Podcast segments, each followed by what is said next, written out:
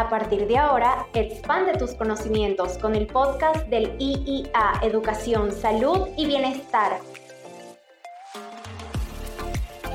Y les damos la bienvenida nuevamente a otro episodio del podcast del Instituto Iberoamericano Auxiliares, IIA, Educación, Salud y Bienestar Aprendiendo sin fronteras, ese rinconcito donde como siempre les digo, aprender también es un proceso entretenido. A partir de ahora y durante todas las semanas nos podrán sintonizar en diferentes plataformas digitales como Spotify, Google Podcast, Amazon Music y en nuestro canal de YouTube, Cursos Profesionales España y Latinoamérica. Junto a destacados especialistas compartiremos con ustedes una amplia variedad de temas relacionados con el bienestar, la educación y la salud, tanto en la práctica médica como en el área docente. Es por ello que el día de hoy nos acompaña nuestra querida doctora Vanessa Díaz. Ella es médico cirujano egresada de la Universidad de los Andes y tiene un posgrado en ginecología y obstetricia con la Universidad Central de Venezuela. No obstante, también forma parte de la plantilla de docentes en la fase práctica del curso de técnico auxiliar en ginecología. Con la doctora Díaz estaremos conversando acerca de las infecciones de transmisión sexual cómo prevenirlas, la concientización hacia el VPH en la actualidad y hablaremos acerca de la vacuna contra todos los genotipos de este virus. También desarrollaremos el papel importante que juega el técnico auxiliar de ginecología dentro de la unidad y el impacto emocional que tiene una paciente contra un diagnóstico positivo. De todo esto conversaremos con nuestra querida doctora Vanessa Díaz, así que bienvenida. Muchas gracias a ustedes por haberme tomado en cuenta como docente y hacerme partícipe de un proyecto que forma jóvenes para que se puedan desenvolver en este mundo tan complicado en estos momentos. La doctora Díaz es del estado Mérida, pero actualmente reside en la ciudad de Caracas y ejerce como especialista dentro del Grupo Médico Santa Paula. Y bueno, comencemos y es que la ginecología y la obstetricia es el campo de la medicina que se encarga de la atención a la mujer durante, yo diría que todas las etapas de su vida. Y es que iniciamos desde niñas cuando comenzamos con esa educación sexual y luego adentramos en la adolescencia y es que llega el ciclo menstrual, conocer lo que está pasando dentro de nuestro cuerpo y así vamos avanzando de manera progresiva llega el punto de elegir el método anticonceptivo y ahí está la ginecóloga. Luego llega un momento de gestación, durante todo el embarazo nos acompañan los ginecobstetras y por último eh, la menopausia. Entonces yo diría que acompañan a la mujer durante todas las etapas de su vida.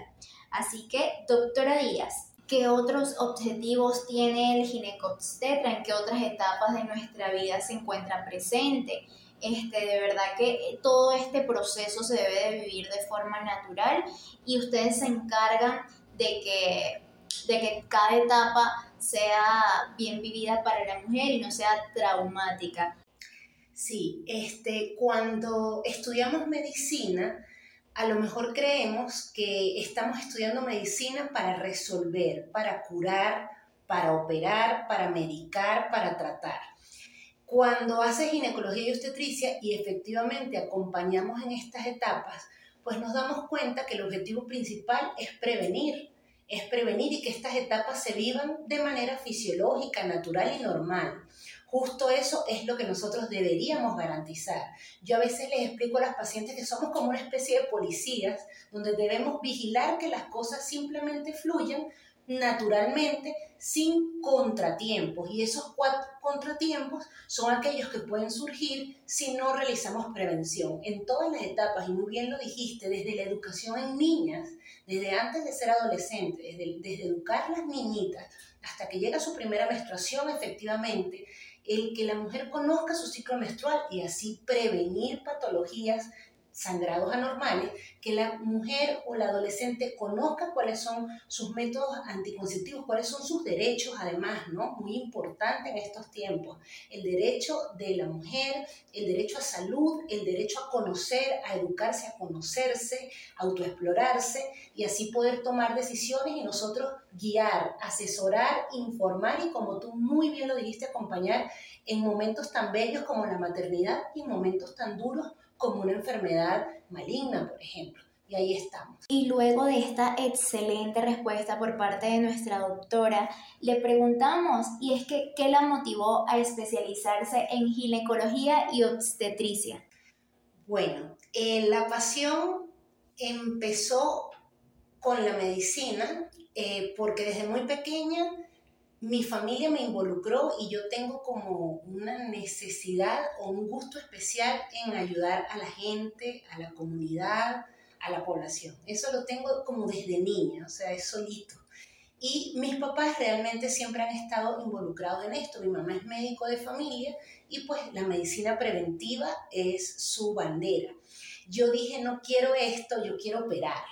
Entonces entendí que la ginecología y obstetricia tenía lo mejor de los dos mundos. El de prevención, como dijimos anteriormente, la clínica, puedes examinar, puedes conocer hormonas, puedes conocer enfermedades, puedes evitar cosas, puedes poner medicamentos, pero también puedes atender un parto, también puedes suturar, también puedes aprender a operar, cosas buenas y cosas malas. O sea, me parece una carrera que tiene todo lo que me hace feliz.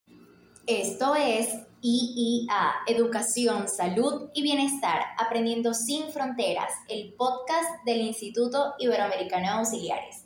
Ya saben que nos pueden sintonizar en diferentes plataformas digitales como Spotify, Amazon Music, Google Podcast y en nuestro canal de YouTube, Cursos Profesionales España y Latinoamérica. La doctora Díaz también se ha formado en cirugía reconstructiva y disfunción pélvica así como en diagnóstico prenatal y cirugía mínimamente invasiva. Además de la parte clínica, se desempeña como docente en el Departamento de Ginecología de la Universidad Central de Venezuela y del Hospital Clínico Universitario. Y por supuesto, dentro del Instituto Iberoamericano de Auxiliares ha sido la responsable de dictar la fase práctica del curso de técnico auxiliar en ginecología en más de tres ocasiones Así que cuéntenos, doctora, háblenos de su trayectoria como docente dentro del Instituto Iberoamericano. ¿Cuál ha sido el perfil de los estudiantes que actualmente se inscriben en el curso? Mira, eh, por supuesto que empecé eh, teniendo muchas dudas. Eh, realmente ayuda muchísimo que soy docente de la Universidad Central de Venezuela, entonces digamos que tengo experiencia en docencia. Ahora, eh, estas eh, chicas han sido en su mayoría eh, chicas, aunque estuvo un joven y fue excelente también. me encanta porque son jóvenes que tienen ganas, muchísimas ganas. Aquí no es una imposición, no es una obligación, son ganas de ellos de pertenecer al área de salud de alguna manera, ¿no? Muchos con ilusión de, de un futuro ser médicos, muchos eh, con ilusión de seguir formándose como auxiliares. Y la ginecología y obstetricia los atrapa. O sea, ha sido la experiencia. Eh, son jovencitos y las ganas de aprender están a la orden del día. Eh, algo que yo trato de hacer muchísimo cuando estoy en un salón, sea lo que se llame salón, en un salón de clases, en los pasillos del hospital universitario o en mi consultorio, es ofrecerles lo que no van a encontrar en lectura online, es decir, el contacto humano, el contacto con la paciente. Eh, desde que aprendan a dar o que sientan cómo se permite una sonrisa, si sea con los ojos, si tienes el tapaboca, para dar los buenos días. Recordemos que estos son pacientes, con respecto a ginecología obstetricia, que la que está embarazada a lo mejor llega con algo de ansiedad y miedo porque viene a ver a su bebito. Y la que viene a un control ginecológico no es fácil que venga con la mejor disposición. Sabemos que esto es algo un poco incómodo, este, también da miedo, eh, es como una obligación este control. Entonces me parece importante la actitud la actitud em, enérgica y sonriente y de buena disposición que ya tienen ellas al recibir la paciente con los buenos días, en acercarla al consultorio, en darle esta bienvenida, como que no solo estás con la doctora, estoy yo también aquí para apoyar a la doctora y, por, y, secundariamente a ti, yo también te puedo aclarar dudas, yo también te puedo agarrar la manito, yo eh, voy a ayudarte a montar en la camilla, tú no estás sola. A, pesar de que la doctora está ya haciendo su procedimiento o te está evaluando, cuentas conmigo. Eso es lo que intentamos eh, con mi equipo realizar cuando educamos eh, a estas jovencitas y, y, al joven que estuvo y creo que la experiencia ha sido magnífica. Siempre había eh, algún tipo de temor de que la paciente no, no le gustara la presencia de un estudiante extra porque, wow, es la consulta más íntima que, que creo que existe en, en, el área de la salud o de las más íntimas. Entonces pensé que podía causar un, un rechazo, pero esta energía, esta sonrisa, esta buena disposición, creo que ha hecho del perfil algo, una, una presencia necesaria ahora para mí en el consultorio.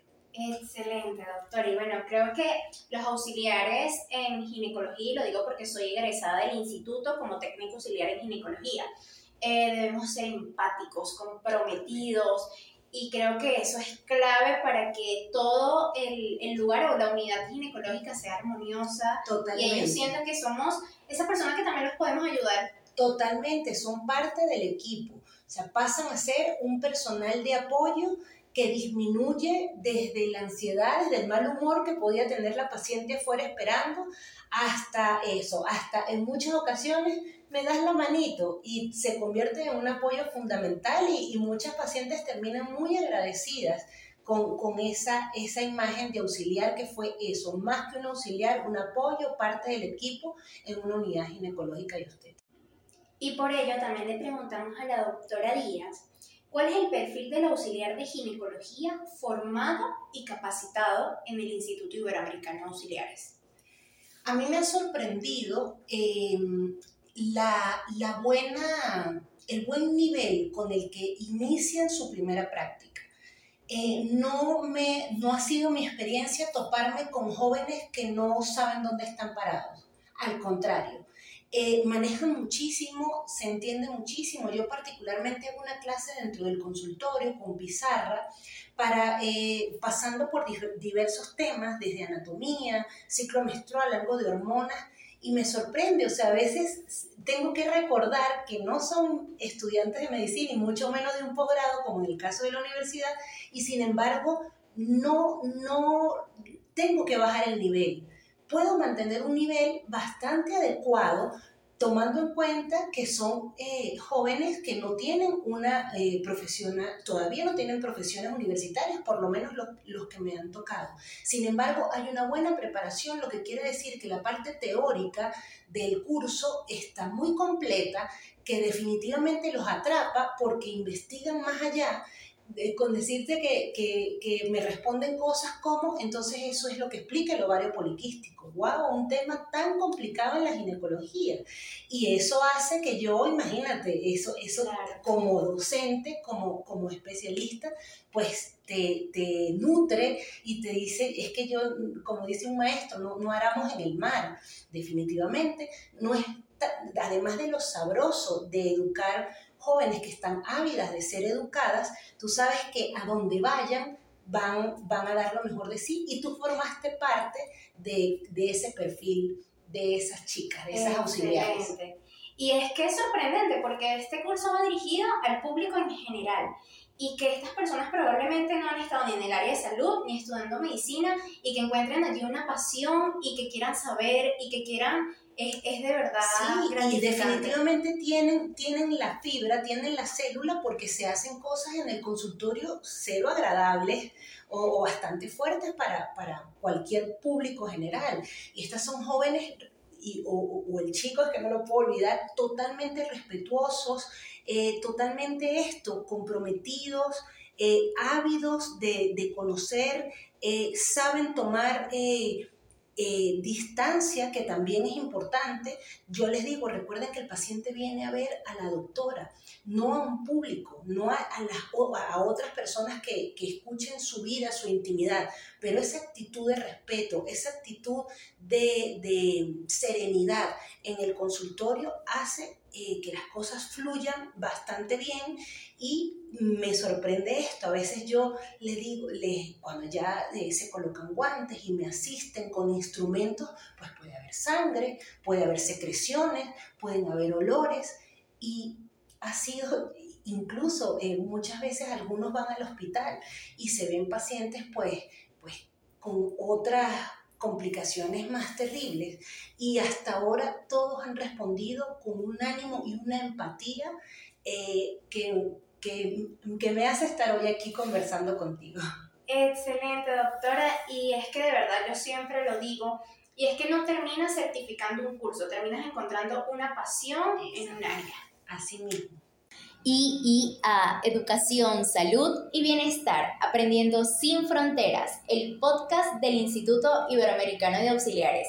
Les recordamos que estamos conversando con la doctora Vanessa Díaz, médico obstetra venezolana. Si hay un tema que la doctora Díaz considera prioritario es las infecciones de transmisión sexual y cómo el técnico auxiliar en ginecología puede aportar prevención para las pacientes. También el impacto emocional, que tiene un diagnóstico positivo para cualquiera de las pacientes y cómo llevar todo este proceso. Entonces comenzamos preguntándole a la doctora Díaz cuáles son las infecciones de transmisión sexual más frecuentes actualmente y si todas esas infecciones son prevenibles.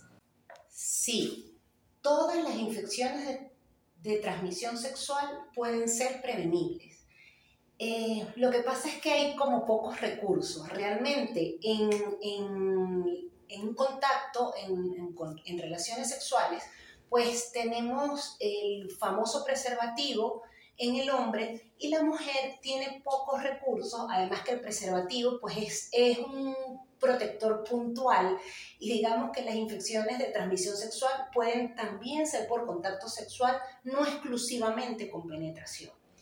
Por lo tanto, ¿cuáles son las más comunes? Virus, y virus bacterias y parásitos, por nombrarlos en grande. Eh, me gusta eh, siempre explicar que no todo lo que pasa abajo es causado por una infección de transmisión sexual. Pero sí es importante, eh, como todo se puede prevenir, pues conocer cuáles son. Y lo ideal en la educación desde la adolescencia o antes, si es posible, pues es por lo menos usar el preservativo y limitar la promiscuidad. Em, así como el inicio de relaciones sexuales tan tempranas. El más grande de todos, el más común de todos desde el punto de vista de virus, es el famoso virus del papiloma humano. Ampliamente eh, conocido en el mundo, ya que afecta entre un 70-80% de la población mundial, aunque ya hay vacunas para eso. El, virus del herpes es bastante común, el molusco contagioso. Con respecto al parásito, eh, la tricomoniasis es una infección bastante común y con respecto a bacterias, las comunes también serían la clamidia y la Neisseria gonorrea, la famosa gonorrea. Son infecciones de transmisión sexual que predominan en el mundo y en Venezuela eh, pues no es, no es menos, menos prevalente o menos importante. Como la doctora Vanessa lo mencionó anteriormente, el virus del papiloma humano, mejor conocido como VPH, tiene más de 100 genotipos. Esto no quiere decir que todos ellos te conllevan a un cáncer de cuello uterino. Este, y también existe una vacuna contra VPH.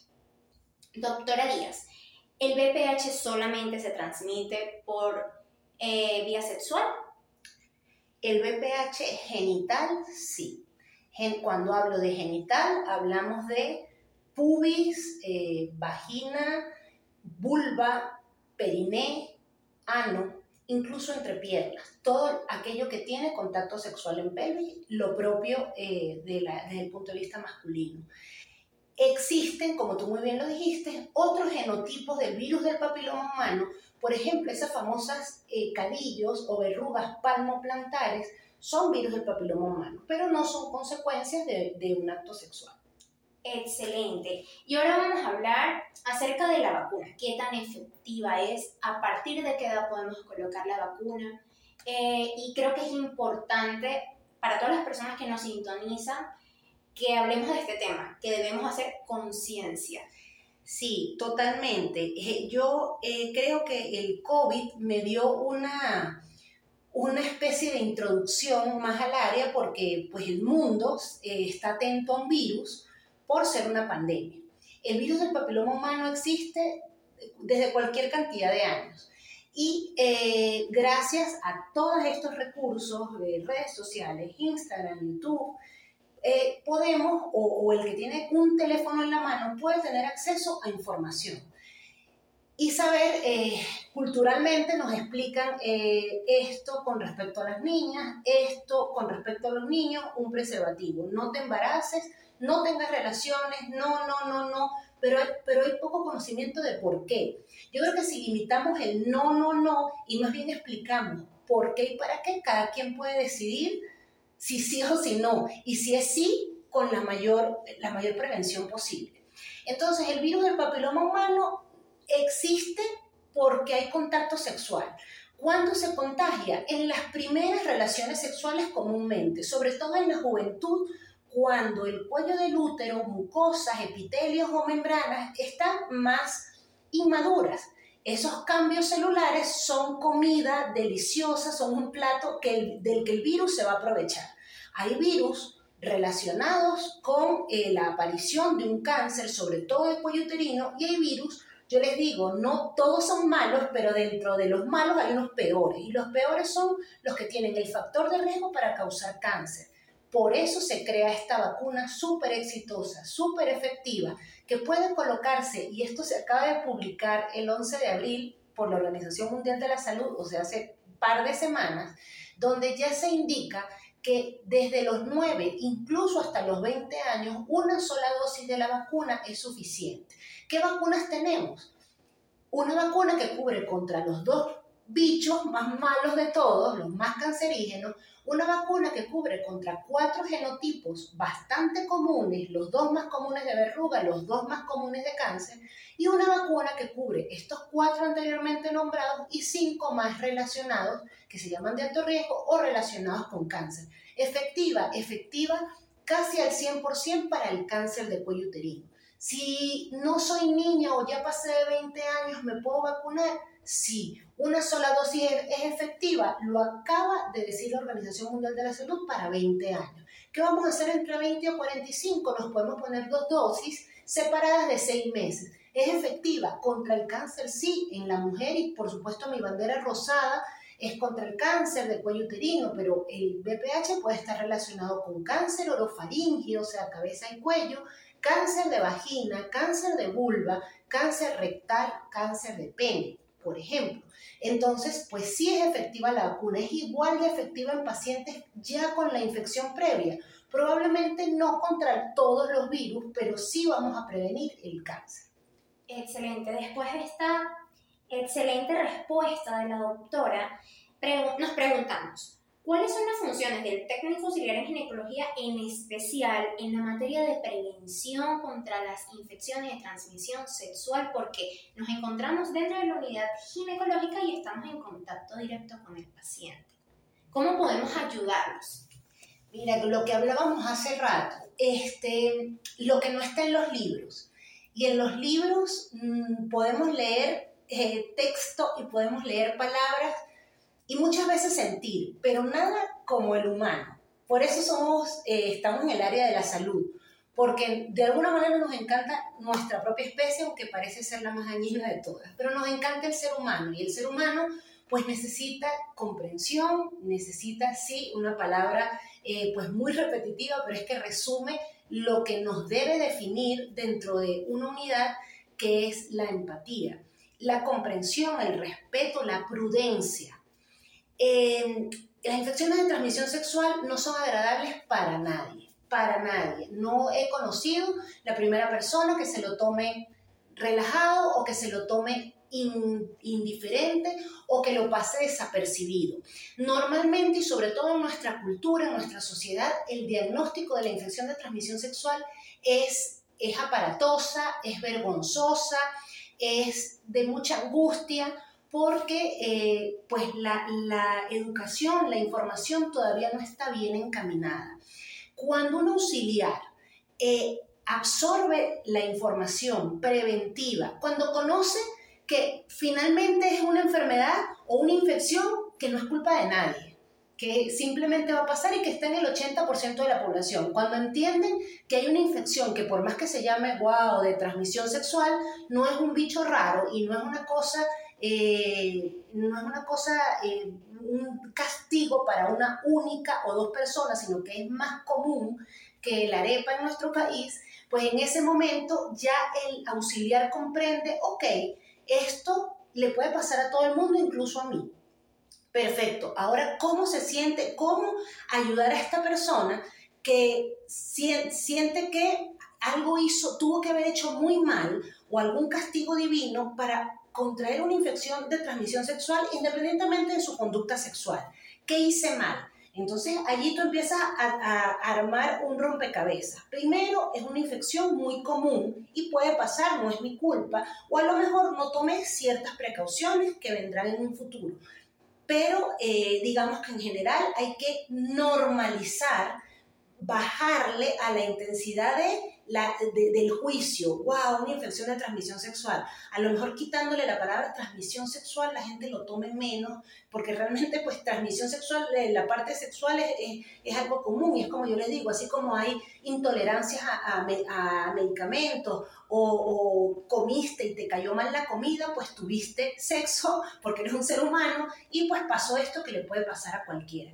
Allí el auxiliar entiende una primera gran característica del rompecabezas Luego, ¿cómo se siente esta persona y por qué? Por cultura, por juicio, por tabú, por mala o escasa o errónea información. Y ahí empieza el auxiliar a empaparse de esto, de esta manera de tratar con un ser humano que está lleno de angustia, de miedo y de vergüenza.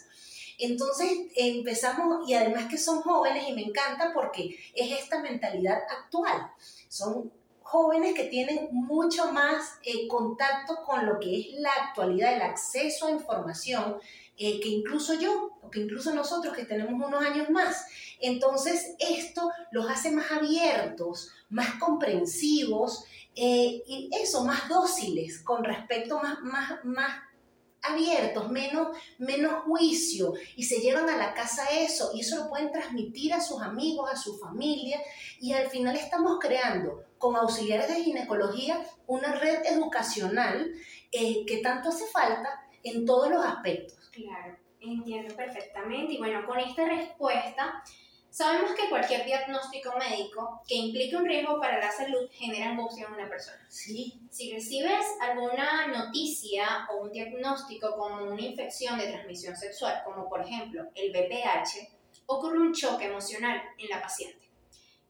¿Cuáles son las recomendaciones, doctora? ¿Cómo podemos llevar este proceso para todas las personas que nos sintonizan?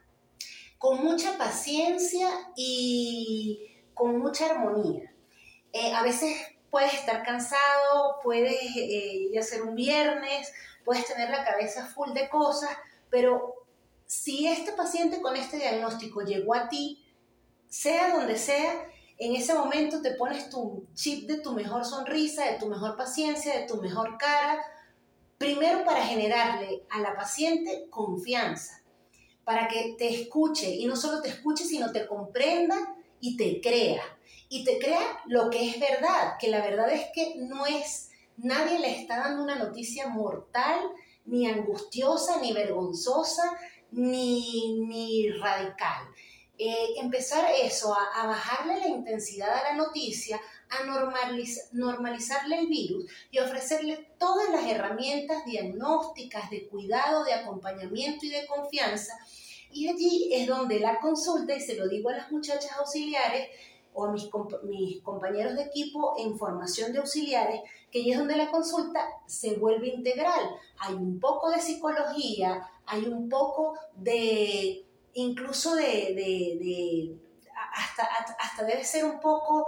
Em, compañero, un poco confidente eh, con esta paciente, ¿no? Este, entiendo que pueden haber fuera muchas, muchas pacientes en espera, pero esto es lo que nos diferencia, por experiencia lo digo, de, de muchas de, de, lo que viven muchas venezolanas en otros países, donde a lo mejor el oficio de la ginecología y la obstetricia eh, tiene un tiempo determinado o es con unos médicos determinados. Aquí tratamos de darle ese calor, ese, e, esta cuestión integral de llegaste angustiada, a lo mejor lloraste durante la consulta porque te da vergüenza, porque te da impotencia, porque te frustra, porque tienes miedo y hay que tomarse el tiempo para que la paciente siempre, y es mi lema, se vaya mejor de cómo llegó, se vaya más tranquila de cómo llegó, se vaya con más confianza y diga, este, pase lo que pase, ya entendí y si no, viviré mi proceso de entenderlo, pero estoy en buenas manos porque estoy con un equipo completo. Y con esta súper respuesta, yo sé que todas las mujeres que en este momento nos están sintonizando quieren saber cuál es el número telefónico, cómo la podemos contactar, cómo podemos llegar a una consulta con la doctora Vanessa Díaz, dónde, en qué clínica. Bueno, yo estoy en el Grupo Médico Santa Paula este, esto era el antiguo Sanitas, estoy en el nivel emergencia, pero eh, a través del Instagram, arroba doctora Vanessa Díaz, DRA Vanessa Díaz, suelo publicar toda la información. Hay dos teléfonos de contacto, de secretaria, de asistente, y a través de esos teléfonos se puede eh, coordinar las consultas presenciales, incluso asesorías en pacientes que no están en Caracas. Hemos llegado al final de este episodio del IIA Educación, Salud y Bienestar, Aprendiendo sin Fronteras, el podcast del Instituto Iberoamericano de Auxiliares. Gracias, doctora Vanessa, por compartir este momento tan ameno con nosotros. Muy ameno porque por más esto, que esté cansado, que sea sábado o de lo que sea, este, cuando algo te apasiona, pues como tanto lo dicen, no es trabajo, ¿no? Lo disfrutas. Y disfruté mucho tu compañía, tu entrevista y espero se repita. Hasta la próxima, feliz tarde para todos.